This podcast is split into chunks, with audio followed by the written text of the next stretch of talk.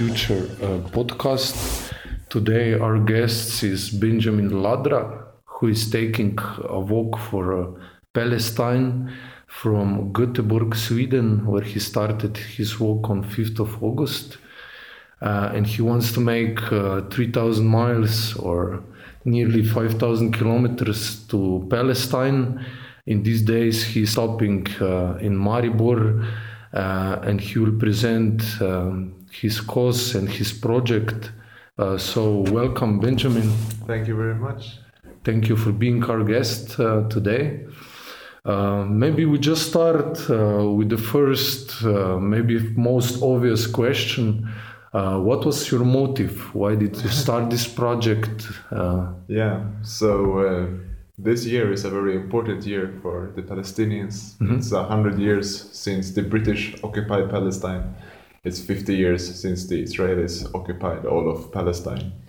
And unfortunately, the knowledge about the situation for the people living there is very, very slim. It's almost non existent. People don't really know what's going on. Mm. And uh, for me, it's important to do something that can be a part of uh, a change that I want to happen, and I want to see peace. I want to see equality and uh, people that can live lives in dignity and freedom. That's this goes for everybody, and I need and I think this starts with uh, information, so more people can get engaged. Mm-hmm. So eventually, we can put pressure on our leaders so they can also be a part of this process. Mm-hmm. Mm-hmm. So the point of my journey is to spread awareness about the case in Palestine and the lives of the Palestinians. Mm-hmm. And this is a good year to do it. Uh, it's also this uh, 100th anniversary of Balfour Declaration. Yeah. Uh, this is what uh, the declaration of Israel as a homeland of of the Jewish people. of the Jewish people. Yeah, mm-hmm. and unfortunately, at the expense of the indigenous population, namely the Palestinians that had lived there for very very long. Mm-hmm. And uh, I mean, it's not a case of uh, either the Jewish or the Palestinians. It's a case of uh, living together side by side. We have two two nations, two peoples in the same land, and uh, they need to live together in peace and uh, not as it is now, the uh, Zionist project trying to throw the Palestinians out of their lands by settlements, by evicting them from their houses, destroying their houses, putting their children in prison, and bombing them, and so forth. All, all these human rights violations that have mm-hmm. been going on for a very long time. Mm. I mean, only last year, over 1,000 Palestinian homes were destroyed. On the West Bank? Or... Yeah, and, and in Jerusalem. East Jerusalem. And I don't know how many people were shot and killed, but it's always too many by the police and by the military. And you know, I've been there, so I've seen the situation for myself, and it's really, really horrible. My only tip to anyone wanting to get involved in this question is just travel there. Just go there. It's not too expensive. Most people, at least in Europe, can can do it, and uh, visit the city called Hebron mm-hmm. uh, or Al Khalil in Arabic, and just go there and see the situation. Because in this city there are 200,000 Palestinians living, it's a Palestinian city, and the city center, uh, which is about 20% of the city, is uh, occupied by Israel. And there lives uh, just below a thousand settlers, protected by up to 2,000 police and army at all time. Mm-hmm and Palestinians aren't allowed to do business there, drive cars. They have, of course, they were there before, but the, the Israelis came and threw them out of their homes. And now there are apartheid streets where Palestinians walk on one side, Jews walk on another side, segregated and unequal. And if you go there and see the situation, you will be very surprised if you didn't know before, and uh, shocked and moved into doing something about it because the situation now is uh, just a crime against humanity, a crime against these people. Mm. And we can see also in politics now a lot of tur- turmoil is happening again because of uh, Trump supporting the Israeli nationalists that Yeah, the yeah. capital is to, that, Jerusalem only of the Israeli people. and to put that into context, I mean, uh, the international consensus is a two state solution on the 1967 borders with East Jerusalem as the capital of Palestine, West Jerusalem as the capital of, uh, or it's not recognized, it's still under debate. And uh, with Trump doing this move, he is effectively destroying the two state solution and thereby destroying prospects for peace, unless the Israelis would want a one state solution, but they do not want it at the moment. Uh-huh. Uh, because a one state solution and democracy would mean an end to the state as a Jewish state, as an ethnocracy, which is what they are pursuing at the moment a state where you have rights if you belong to the right ethnicity, namely, if you're a Jew. And uh, if there would be a one state solution with democracy where everyone could vote, then uh, rights would have to be spread equally amongst everyone, and you can't privilege a group anymore Mm. which would mean a secular binational state, which is uh, fine in my opinion, but uh, that's not what the Israelis and the Israeli government are pursuing at the moment. So if they are serious about peace, they would pursue the two state solution, but they're not, and they don't want the one state solution either, which leaves the two, two other solutions that we're not talking about. The situation that we have now, which is the domination and apartheid of the Palestinians, one state, but uh, Israel is governing and oppressing one, uh, one population, the Palestinians, Mm. or the elimination solution, just ethnical cleansing, like in 48, throw the Palestinians out. Mm. And those two options are just horrible, and we can't can't allow that to happen. It is happening slowly, and we already had a military occupation for 50 years. No one believes it's temporary. It looks very permanent, and with Trump doing this recognition, the chances for peace looks even slimmer. Which is why we must do even more to pressure our governments and our politicians to uh, pressure the United States and Israel into into creating peace because they can if they want to, but they don't want to at the moment. Why do you think is that? Uh, you think that also politicians are using this uh, conflict for their own right because Israeli politicians make uh, a lot of political points on uh, their nationalist agenda and military agenda.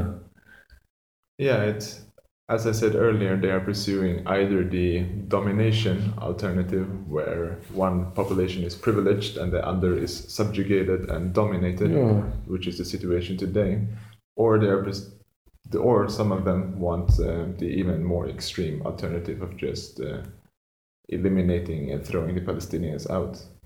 So recognizing Jerusalem as their capital is, of course, one step in either of these two processes, which, uh, of course, are illegal. And also, it's illegal by international law to take territory by military force. And uh, Jerusalem was taken by military force in 1967. So, by acknowledging this, you are acknowledging that it's okay for a country to invade another country and take it and then have it recognized As their own. yeah. So it's just absurd. It's just crazy. Mm. But uh, we maybe didn't th- think so much of Trump to begin with, and he's always proving us right that he is. Uh, I don't know what he is. Crazy, stupid, evil. Lots of adjectives. Yeah. Uh, but what is maybe, have you also met some Israeli people, common people? What is their view of this situation? Are they scared? Uh, are, are they in pursuit of security? Are they nationalists? I also know that some of them are also fighting for the uh, solution, for the peaceful solution of the situation. Uh, I don't think I can speak for the Israelis so much. You should ask Israeli okay. people instead. What I'm doing is I'm uh, walking to Palestine in order to speak about the human rights abuses going on, the crimes against humanity, the violations of international law, and uh, my long term goal, of course, is just to have peace and to allow every person, no matter their origin, ethnicity, or religion, or whatever, to live a decent life, just dignified and decent life. Mm, And this is not possible at the moment for the Palestinians, 5 million people. So, therefore, I'm talking about the crimes committed against them. I'm not against Israel per se. I'm against their policies at the moment, and it would be fine if they just stopped committing violations and stopped uh, incarcerating children. In July 2017, it was about, or it was 320 children in Israeli jails. So if they would stop doing this, the criticism against them would stop, and they would be just a normal country like any other. Uh, but they're not at the moment, so therefore we criticize and we protest. Mm-hmm. And what has been, uh, uh, how did the people that you met on the road, uh, on the walk, uh, how did they react? What were the reactions, uh, the support, also the some negative experiences? Yeah, since I'm I'm walking with a Palestinian flag as well, and just three days ago when I was in Leibnitz in Austria. Someone called the police and said I was a terrorist. So then uh, six, seven, eight police showed up with uh, guns pointing at me and uh, shouted at me in German. That was very stressful, but eventually, eventually they sort of calmed down and started to ask me questions what I was doing. But still, some of them were really aggressive and uh, you could see they had a violent nature. I didn't feel particularly safe. On the other hand, sometimes, or most of the time, I meet nice people that uh, are just curious uh, about which flag I'm w- walking with, asking me questions, and uh, yeah, kind they are surprised that I'm doing this and they're cheering me on. Uh-huh. And sometimes racist and violent people stop me and wants to have a fiery debate or mm-hmm or a violent confrontation. But uh, I'm pretty good with calming situations down. I try not to engage them too much. So it's every kind of response, and I'm putting myself out there. I'm walking with a big flag, so I get lots of reactions. Mm-hmm. So you think that uh, the walk is uh, successful till now? You you're motivated to go on. Yes, I think so, and I think that every bit of activism actions that you do to um, in order to try and make anything a bit better is successful mm. because uh, you have to measure not your results i mean if you want to have world peace as a result you will always be sad because you didn't achieve it you have to measure your efforts and judge yourself according to your efforts and if you do something you should be satisfied with yourself mm. and i think i'm doing something at the moment so i think i can feel yeah at ease with at least I'm doing what I can. I'm trying. Of course, I might not achieve my ultimate goal of uh, having peace for the Palestinians and the Israelis. That's my goal at the moment. I won't achieve it, of course, but maybe I can take a step towards it, even if it's a tiny step, and mm. I'm happy with that. And why did you pick uh, walking in particular?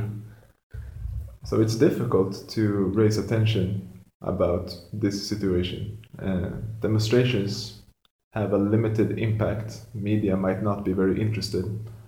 And I've done other things as well. I have hunger striked, for example. Mm-hmm. But uh, I came up with this idea that if I walked really, really far, and in the winter, people might take notice and just ask why I would do such a difficult and hard thing because it takes a lot of time, almost one year, and it's not easy. And I think I was right. I think I am getting some attention because just this, it's very difficult. So people are asking me why. So that's why I chose to do this at this time. But uh, next project will be something else probably. Mm-hmm. And how uh, how long did you come thus far? Do you count the kilometers? Yeah, it's about 1,500, a bit more now. Mm-hmm. From Göteborg to Maribor. and uh, it's over 2,000 kilometers left.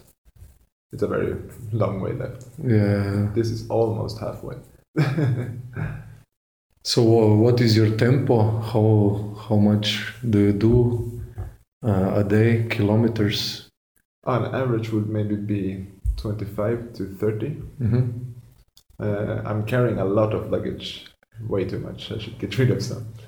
Uh, I'm trying to film myself a lot in order to, yeah, have a social media presence. Make maybe make a documentary after this is done. So um, I'm not walking too fast. I'm not a sporty walker. I'm not doing it for the sport, and it can take the time it takes. I'm not. I'm very flexible and calm. I will get there eventually. I'm just taking one day at a time. Mm-hmm. So these uh, extreme weather conditions in last year uh, didn't uh, take your motivation, or No, did you I mean didn't the have point some is uh, difficulties? the point is that the more the more difficult it is, the more attention I will probably get. Mhm. And if I can uh, make lots of pictures and videos of me in blizzards and uh, like really, really struggling in mountains or something, that would be that would get more attention. Mhm. If I would take if, if I would have took the car there, I mean nobody would have cared. If you fly there, I mean, it's not a news story. But but uh, yeah, the more you struggle and the more you suffer, the bigger news it is. Yeah. So I feel, yeah, I'm just gonna do this, no matter what. And the more difficult it is, the more efficient it will be. So that's fine. Mhm. So, and how do you um, rest after this? uh, long walks? You made 32 kilometers yesterday, you said, Yeah. from Graz to, no, from Leibnitz to Maribor. Yeah. Uh, yeah, I sleep at uh, maybe someone's place if I find someone that could host me. I have a tent. I slept most of my nights outside in the Uh-huh. tent. Uh, sometimes, if I feel that I'm too tired for sleeping outside and I don't find anyone, I can take into a hostel. At the moment, I find found someone that uh, offered me a place to stay, so I'm staying at the yeah indoors Mhm. tonight, which is very very nice. To get some And uh, did you have a moment of doubt? Did you want to turn back any in these four months you did already? Five months. Five, uh five, yes. No, no. I feel that this is a very good thing to do, and I feel Mm. that I can uh, be at ease that I'm doing something because uh, I'm very well aware of the suffering of the Palestinians, and uh, if you know about too many problems in the world, you will not be able to just rest and forget it. And you will want to do something about it, but most people can't figure out what to do. And this Mhm. is a thing that I can do. And it feels very good to be able to do something, even though it, it won't save the world, of course, but it is something. It raises attention. And it's also a solidarity message to Palestinians that they are not forgotten, that people still care about them. Mhm. So I think about that whenever it's hard. Uh, and what you think can other people do There are to help? there are so many things you can do. First, you should uh, get some time in your everyday life and not busy every single moment. After that, you should uh, see what other people are doing. Maybe join a demonstration or manifestation.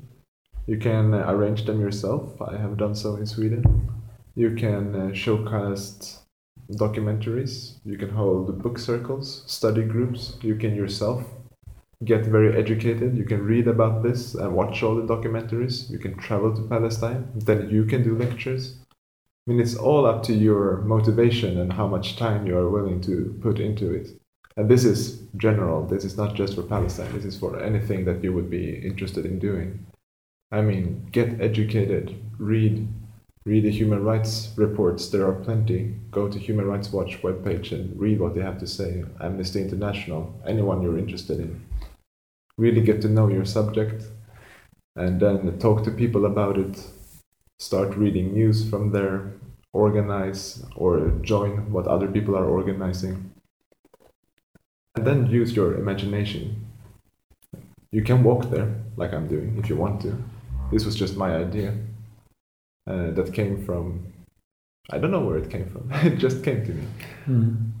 so spend some time with uh, trying to figure out something new to do because just demonstrating walking from point A to B is uh, we've done that already. Even though it's good, it's better than nothing.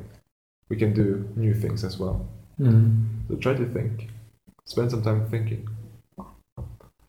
You have a lo- uh, probably a lot of time for thinking uh, I while do. walking these long yeah. distances. You spend a lot of time with yourself, and it's very good. You don't do that in your everyday life. At least I didn't. Mm. And it's good to be by yourself for a long period of time.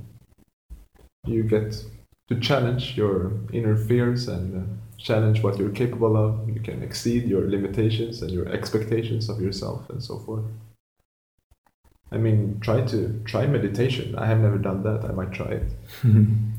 Try to grow as a human being. That's a very good way of helping others and helping the world by helping yourself and really be the best you can be because we're not the best we can be at the moment. We have uh, we can develop ourselves, and we should do so. Because when we are more competent, confident, when we have developed our abilities further, then we can do more. Of course, when we're confident enough to go and speak our mind, for example, when we're not afraid. Mm. These things are inner developments that we need to achieve. So that is also a good way of working towards uh, helping others by helping yourself to help others. Mm.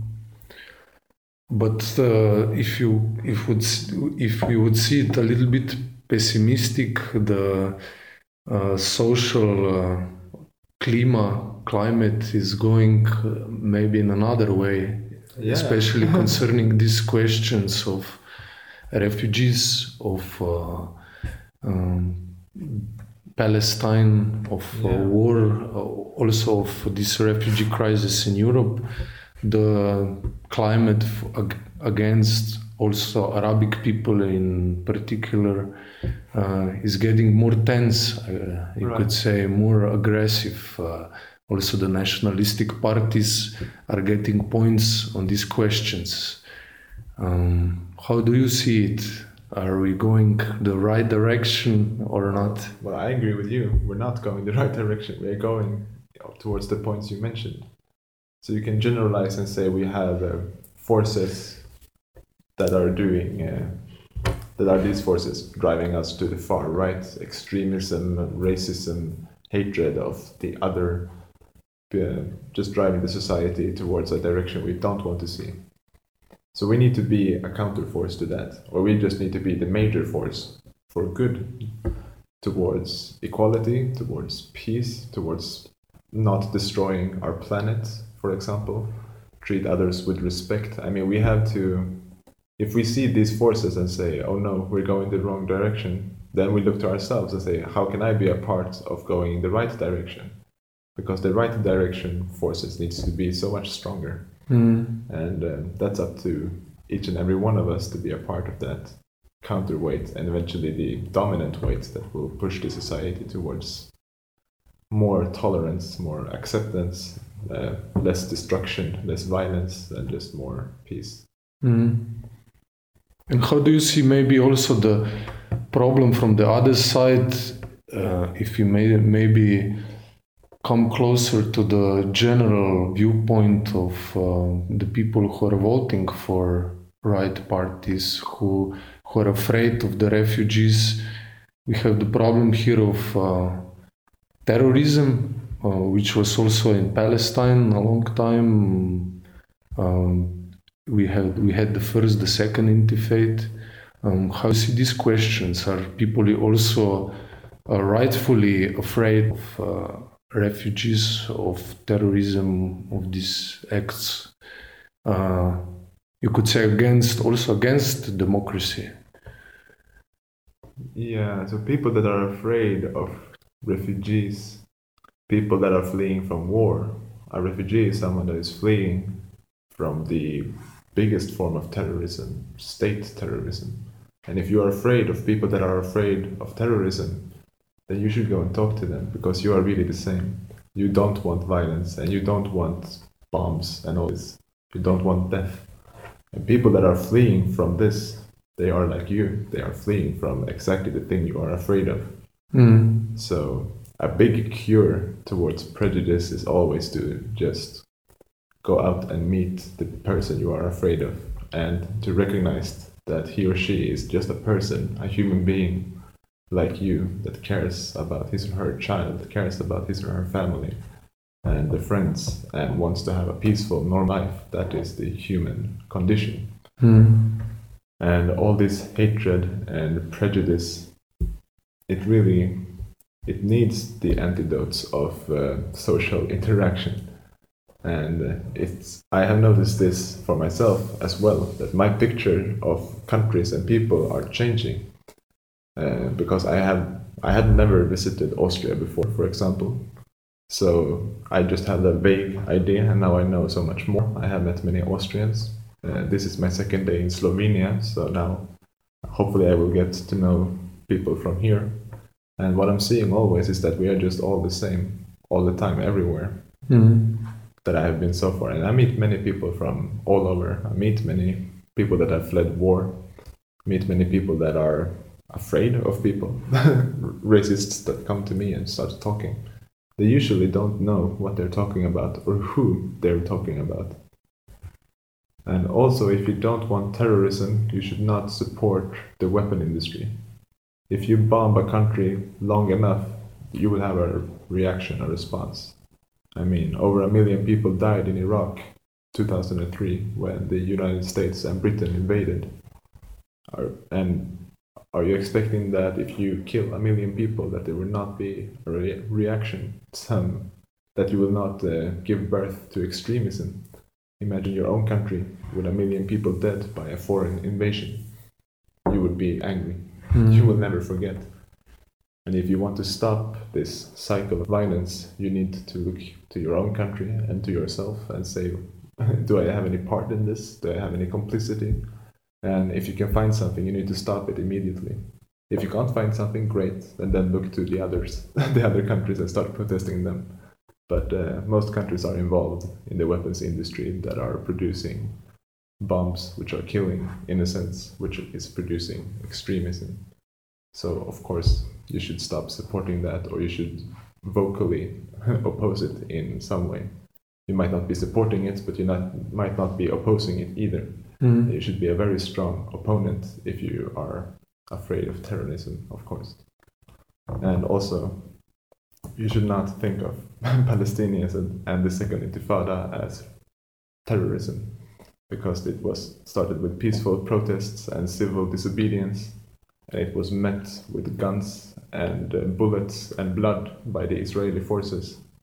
And of course, you get a reaction if you protest and the police starts shooting you uh, someone might throw a stone back, and, uh, and then I ask you who is the terrorist. Mm. And where do you de- um, where do you see the solution? Do you think this peaceful solution after so many years of war and violence is still possible? Uh, do you see Of it in a course, it's al- two-state or one state? possible. I mean, no war has lasted forever. No Mm. occupation has lasted forever. You name me one conflict that went on forever. There is none. And there is this myth that this conflict is somehow insoluble. It's not. And every solution needs to start with ending the military occupation of the Palestinians. You can never have peace if you also oppress and occupy a people because they will be angry. Mm. And that is not peace. So you need to stop that. And then you can discuss what comes after. But this is such a big step. if we manage this step, it's just amazing. Mm. And uh, the whole world agrees on what the solution should be two states in the 1967 borders with East Jerusalem as the capital of Palestine. The whole world agrees except for Israel, United States, and some islands in the Pacific. That's it. So if just uh, if Israel and the United States would join the world, then we could have peace. But as long as they insist on military occupation, force, domination, and state terrorism against the Palestinians, peace is not possible as long as they insist on that. But as soon as they are serious about discussing peace, like the peace process, as soon as that becomes a thing, we have not had a peace process so far. Mm. Everything has been a charade, a myth, uh, just shadows for the gallery uh, in order to expand, which we just saw the other day that it was never serious. Then we can have peace. We can have peace tomorrow. Mhm. or it will take some time. But if they were serious, we could make progress. But it has to start with the dominant occupying power saying, "Okay, we really want peace, and we are willing to end our military occupation." So far, that hasn't happened. But when it happens, we can have peace. Mhm. I think also Europe has uh, some cow- a little bit cowardly part in this situation because European politics uh, don't uh, like Yes, you could say support the Palestinians in actually not not the Palestinians but a solution to this conflict. Uh, they because of the uh, they want to be in good relationships with the United States or Britain. They have the war industry also; they're part Yeah, of it. So Europe, who should be like a lighthouse of humanism, of science, of uh, respect to others, is showing itself as a coward in this question. We could say. Yeah. Yeah, Europe should be that. It never was, it never has been, but uh, hopefully it will be one beautiful day. But uh, yeah, at the moment they are buying and selling weapons with Israel that is currently committing the crime of apartheid towards a population. So they should stop doing that. And uh, Europe is also us. I mean, uh, Sweden is, I am Sweden, and uh, Sweden is every Swede that is alive.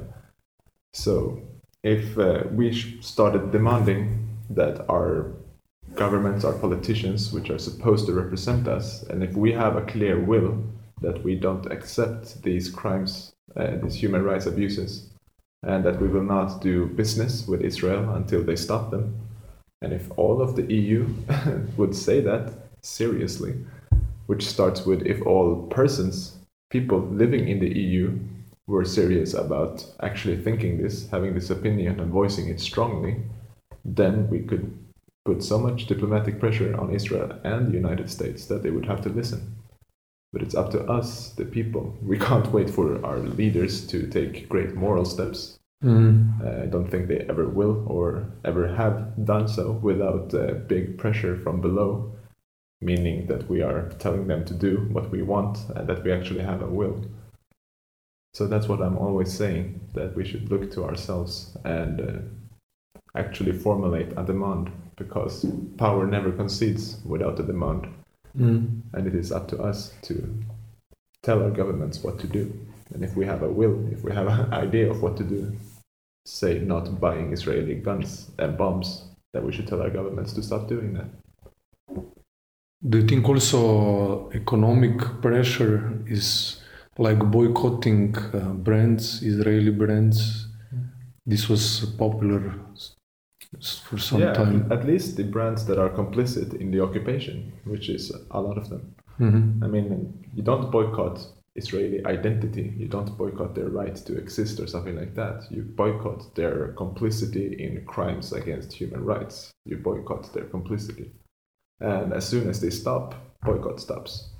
As soon as they respect uh, the Fourth Geneva Convention and respect human rights, then there's no reason to criticize them anymore, and we can dance together in the streets in harmony. But until then, when until they stop committing all these atrocities, read Amnesty International, read the Israeli human rights B'Tselem, read what they have to say. Until they stop that, we we should boycott them. We should not buy their products. We should not cooperate with them. We should say we don't have anything to do with you until you respect human rights. Mm. But Israel has also a very aggressive uh, policy against people who are boycotting it. I think Yes, it also happened here in Slovenia, in Maribor, when they were boycotting uh, an exhibition uh, which was not politically, uh, how would you say, uh, correct, politically correct, because it was also for the cause, uh, political cause of Israel as a Mhm. state. Uh, it was really like uh, they wanted to shoot it off. Um, how do you see this?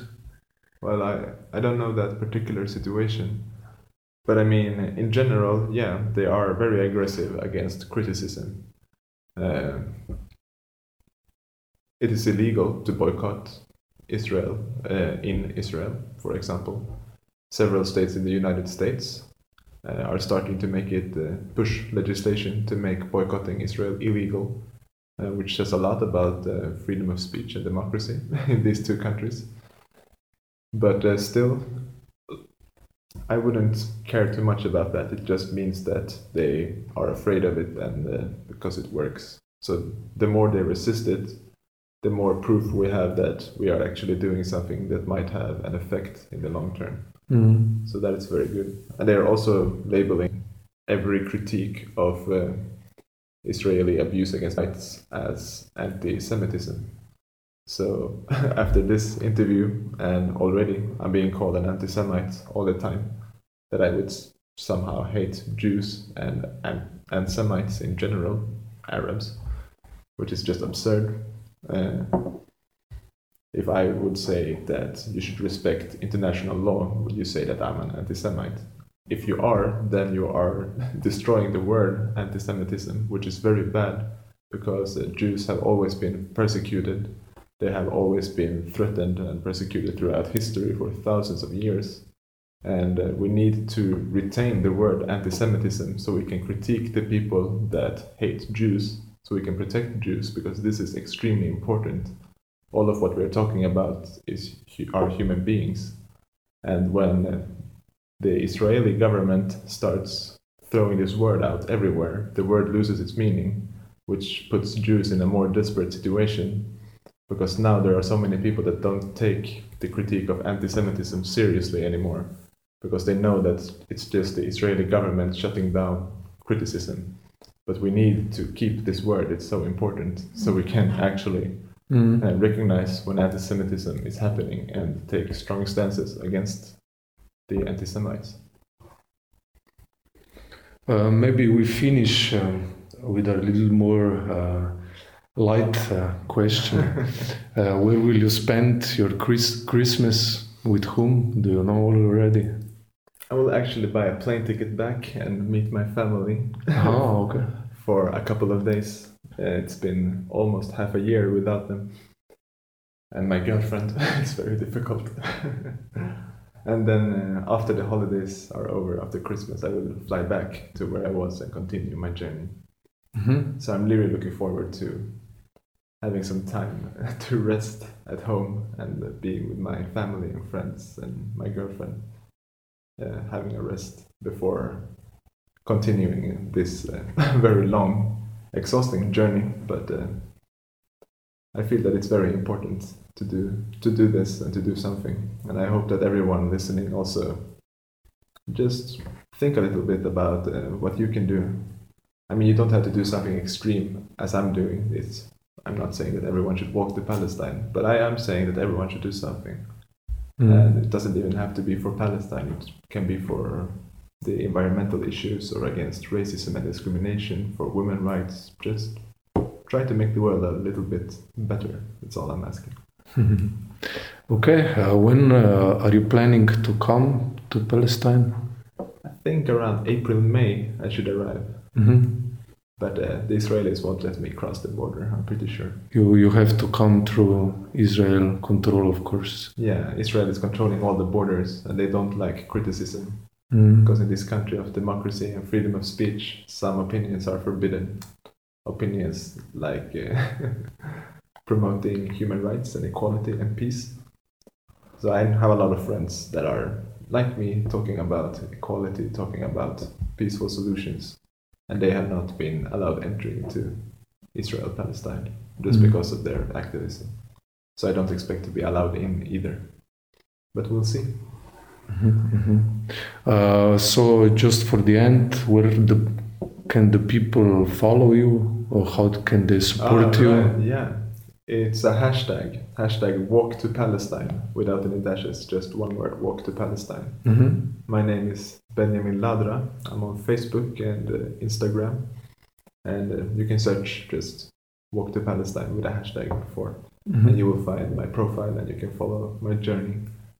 And the best way of supporting me is to maybe contact media and tell your friends about it and uh, spread my little initiative around so more people can see what I'm doing and why. Okay. Uh, thank you, Benjamin, Okay. for being our guest. Uh, good luck with your uh, trip, with your cause. Uh, we'll hold our hands for you and for peace to come soon. Um, and you, lis- uh, lovely listeners, listen to us further. Uh, we will speed up our uh, podcasts in next months, also with the topic of uh, tolerance, uh, also opening questions of anti-Semitism, of uh, anti-Arabic sentiments. In March, we are again preparing the festival of tolerance. So stay tuned, listen to us, and uh, as we said, support Benjamin and his cause. Uh, and you will feel, hear from us soon.